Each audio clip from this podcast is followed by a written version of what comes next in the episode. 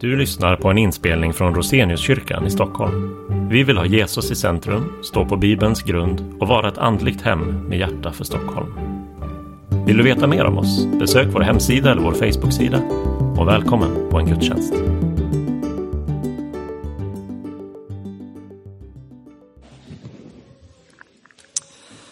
Precis. Vi ska resa oss upp och lyssna till dagens evangelium från Markus 9, vers 1 till 13 i Jesu namn. Jesus sa till dem, jag säger er sanningen. Några av dem som står här ska inte smaka döden förrän de fått se att Guds rike har kommit med kraft.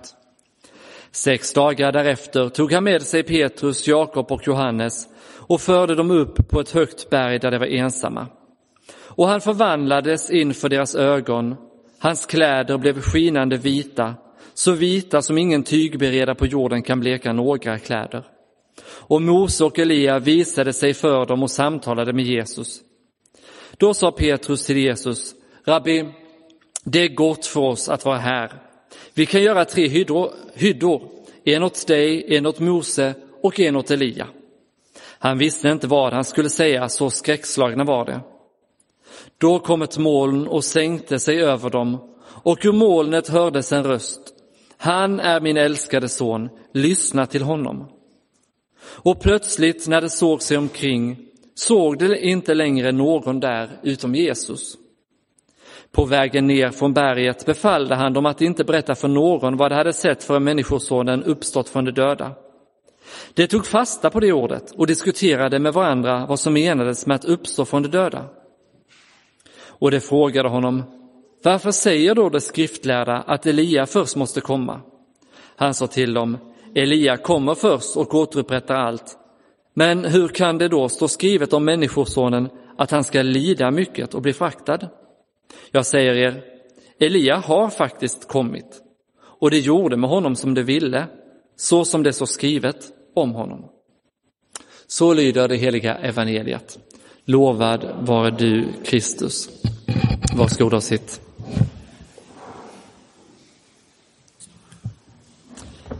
Vi ber. Käre gode Herre Jesus, tack för att du förklarar för oss vem du är. Och vi ber dig att vi ska få lov att se en skymt av det ljus, det gudomliga ljus som strålar från ditt ansikte. Kom heligande. Öppna ditt ord, öppna våra hjärtan. I Jesu namn. Amen. Jag tycker så mycket om den här texten och Kristi förklaringsdag. Och sången som vi sjöng är så vacker. I den kristna tron så kommer allting tillbaka till frågan om vem Jesus är. Det är det som är kärnfrågan. Vem är egentligen Jesus? Är han bara en vanlig människa eller är han någonting mer? Och i dagens evangelium så får vi liksom se hur det fysiska viks undan lite och vi får se det oskapade, gudomliga ljuset bryta fram genom Jesu kropp, stråla och visa sin härlighet. Och vi får ana att det är någonting mer hos Jesus än en vanlig människa. Och Petrus han återknyter ju till detta i sitt andra brev när han skriver det var inga utstuderade myter vi följde när vi förkunnade vår Herre Jesu Kristi makt och hans ankomst för er. Vi var ögonvittnen till hans majestät. Han fick ära och härlighet från Gud Fadern när rösten kom till honom från den majestätiska härligheten. Han är min son. Den han är min son, min älskade, honom har jag min glädje. Den rösten hörde vi själva från himlen när vi var med honom på det heliga berget. Hela bibeln fokuserar på Jesus som Guds hjälte, vår Herre och Frälsare och hans död och uppståndelse. Människan är fast i sig själv, i det fysiska och biologiska. Vi bryts ner, vi är otillräckliga, vi är syndare. Men Bibeln talar om att människan är skapad till Guds avbild och att Jesus har kommit för att återlösa, befria och återupprätta. Jesus är Guds älskade son och idag vill Gud uppenbara för oss att han vill vara vår Herre och frälsare. Tre saker att hänga upp dagens predikan på. Det första om Jesus förväntad, det andra om Jesus förklarad, det tredje Jesus förhärligad. Jesus förklar, förväntad till att börja med. Vi är relationella varelser, vi behöver relationer och vi lever i relationer. Men många religioner, om vi studerar dem runt omkring oss, är tämligen opersonliga. Islam till exempel betyder ju underkastelse och det säger väl någonting om relationen mellan människan och Allah. Det är inte den här ömma barnsliga relationen mellan Gud och människan utan det är snarare en fråga om underkastelse. Buddhism är visserligen ateistisk men den är väldigt opersonlig med allting som är lidande och vårt mål är att bli fria från det fysiska jordiska kretsloppet och uppgå i världsalltet. Och mycket nyandlighet hämtar ju intryck av de här österländska religionerna som i grunden är opersonliga. Men den kristna tron är annorlunda. Judisk kristen tro är annorlunda. Här finns en närhet, ömhet och personlighet mellan Gud och människa. Och det är någonting som vi läser om tidigt i Bibeln. Hur Gud vill vara nära. Redan i skapelsen står det om hur Gud vandrar omkring i trädgården och söker efter Adam och Eva. Här finns närhet. Och vi märker i dagens evangelium hur Jesus går iväg med några nära vänner. Petrus, Jakob och Johannes upp på ett berg. Och Jesus vill vara personlig med dig också. Det kan upplevas som att Gud är långt borta, som att han är distanserad, som att Gud finns någonstans hos alla andra eller någonstans ute i världsalltet. Men Gud vill vara personlig med dig. Gud vill komma nära dig, han vill få tala med dig, han vill tala till dig och han vill att du ska tala med honom. Det är en inbjudan till dig som är här idag. Kom nära Gud. Även när Gud går till rätta med sitt folk, till exempel hos profeten Jesaja, så säger han ju kom, låt oss gå till rätta med varandra. Att gå till rätta med någon innebär ju faktiskt att komma nära, att tala ut. Och även om man talar ut på telefon så kräver det emotionell närhet om man ska kunna tala ut ordentligt med någon och gå till rätta. Och så vill Gud komma nära också dig. Berättelsen är spännande, uppbyggd. Jesus går upp på ett berg och det här är sånt som man väldigt lätt bara springer förbi när man läser berättelsen. Men om vi funderar över vilken roll bergen spelar i Bibeln så är det små klockor som bör ringa om att det är någonting särskilt som händer. Till exempel det är obehagligt, men Abraham gick upp på ett berg för att offra Isak. Mose tog emot eh, lagen på berget Sinai. Elia mötte Gud, eh, inte i stormarna och elden och dånet, utan i susningen på ett berg och så vidare. Jesus går upp på ett berg. Det är en plats för Guds möten. Och vi anar att det är någonting som ska hända här. Men Jesus talar också om sig själv på eh, berg tidigare och så vidare.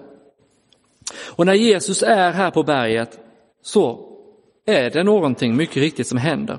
Jesus förvandlas och lärjungarna kastar till marken. Det förstår det ännu inte, men här är ett möte med Gud. På liknande sätt som Mose såg Gud vid olika tillfällen och kastades till marken. Jesaja såg Gud i templet och kastades till marken. Aposteln Johannes såg Gud på Patmos och kastades till marken. Så är det Jesus, gudomliga natur, som bryter igenom på berget. Och i mötet med Gud är det naturligt att kastas till marken. Vem är egentligen den här mannen som vi möter i berättelsen och som Petrus, Jakob och Johannes mötte på det här berget? Jesus samtalar med Mose och Elia. Det är såklart väldigt speciellt. De hade varit döda i många hundra år. Men likväl, Gud är som eh, Jesus sa, Gud är inte en död, Gud för döda utan för levande. Och de står där och samtalar med Jesus. Det finns något centralt teologiskt i det här samtalet. Mose och Elia representerar två grundpelare i den judiska tron och historien. Mose var den som gav Israel lagen. Elia var en av de riktigt viktiga, kraftfulla profeterna. Och också den som eh, profeterna talade om skulle komma tillbaka innan Herrens stora dag skulle komma. Och där står Jesus och talar med två representanter för det gamla förbundet, lagen och profeterna. Och Lukas, vi läser från Markus, men Lukas preciserar vad det var de talade om. De talade om hans bortgång och hans verk som han skulle fullborda i Jerusalem. De talar alltså om hans lidande och hans död och hans uppståndelse. Och det är återigen en oerhört viktig poäng i vår tro.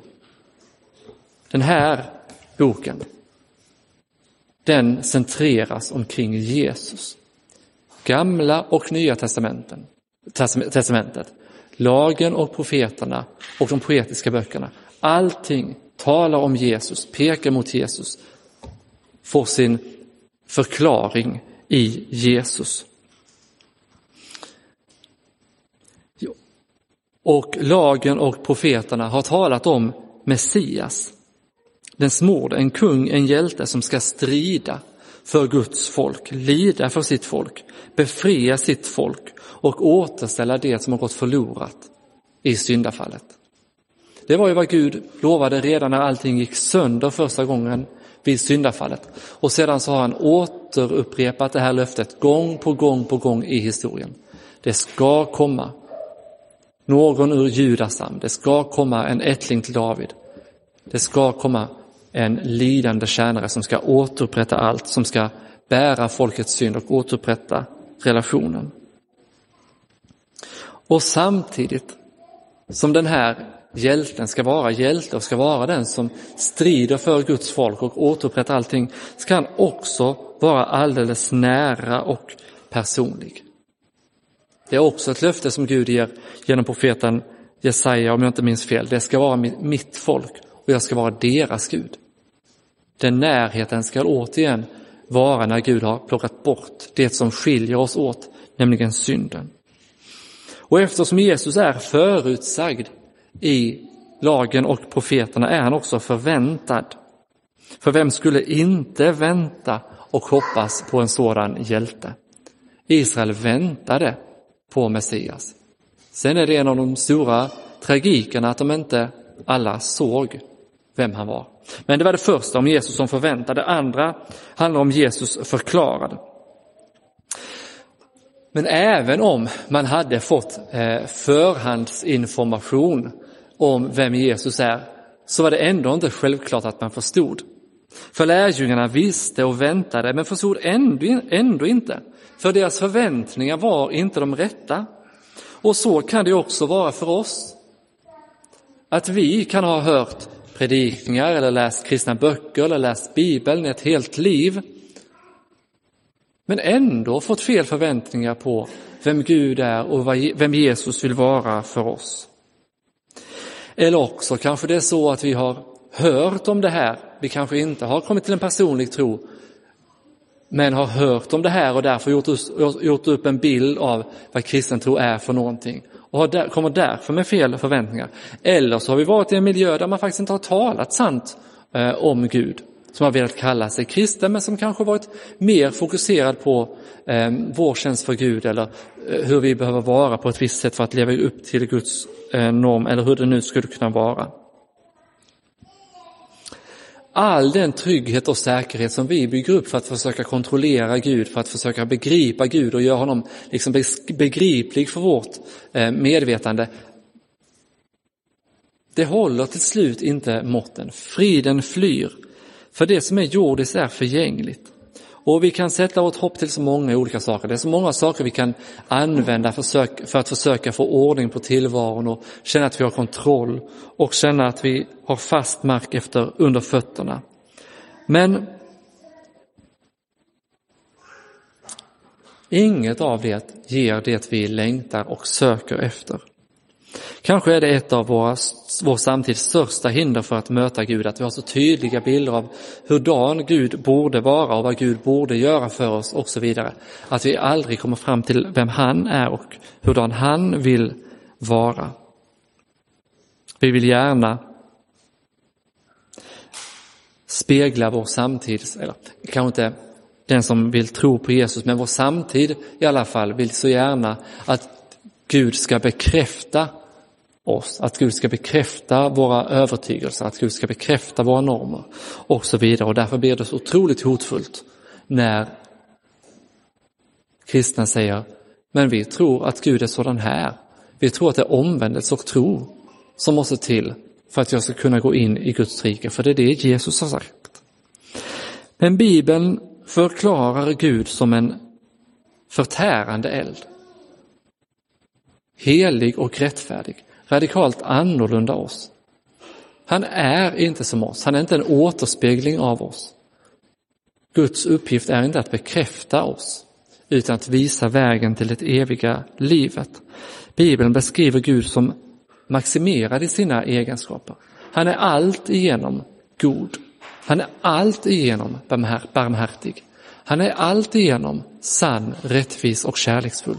Och det säger sig självt att jag som är en begränsad människa, ofullkomlig människa, att det blir en krock mellan mig och denne fullkomlige Gud. Givetvis kan Gud inte rymmas i mina föreställningar. Jag kan förstå en del av honom, men jag kan inte fånga honom helt och fullt.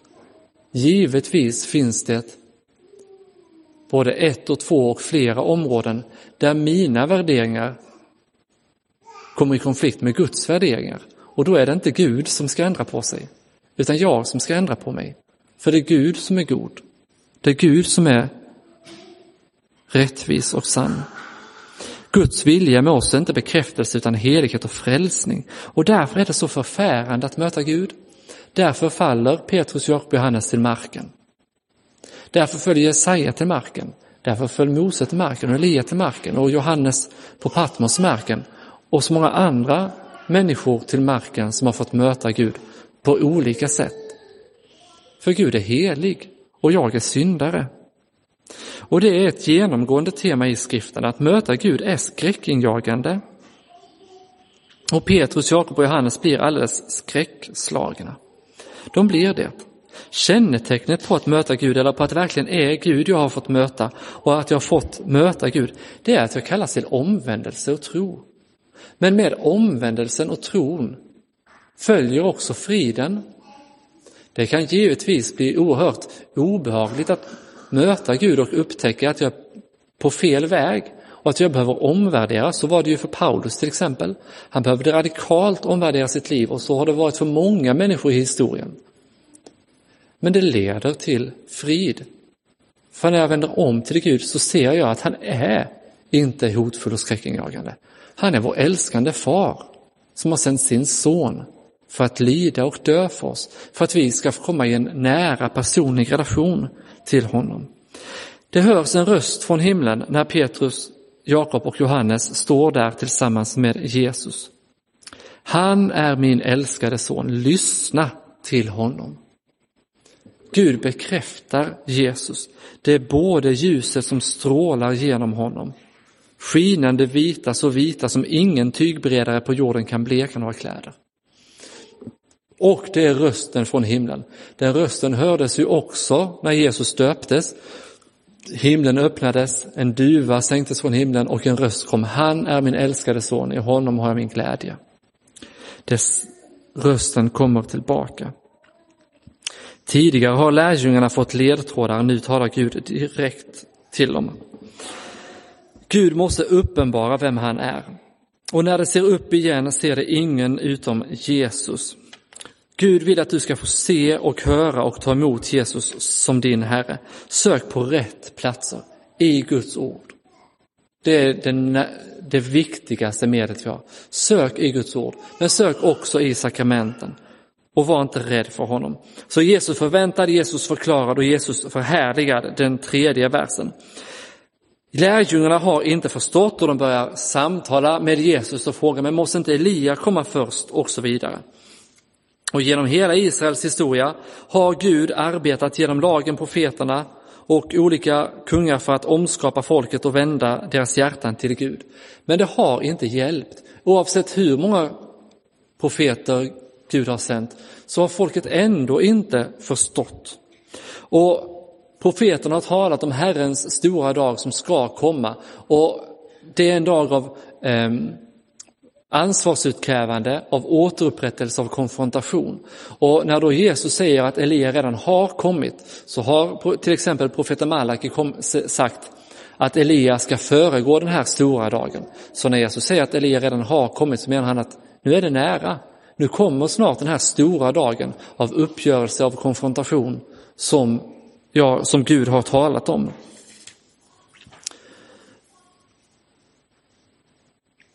Och Jesus talar ju om i den första versen, några här ska inte smaka döden för de har fått se Guds rike komma med kraft.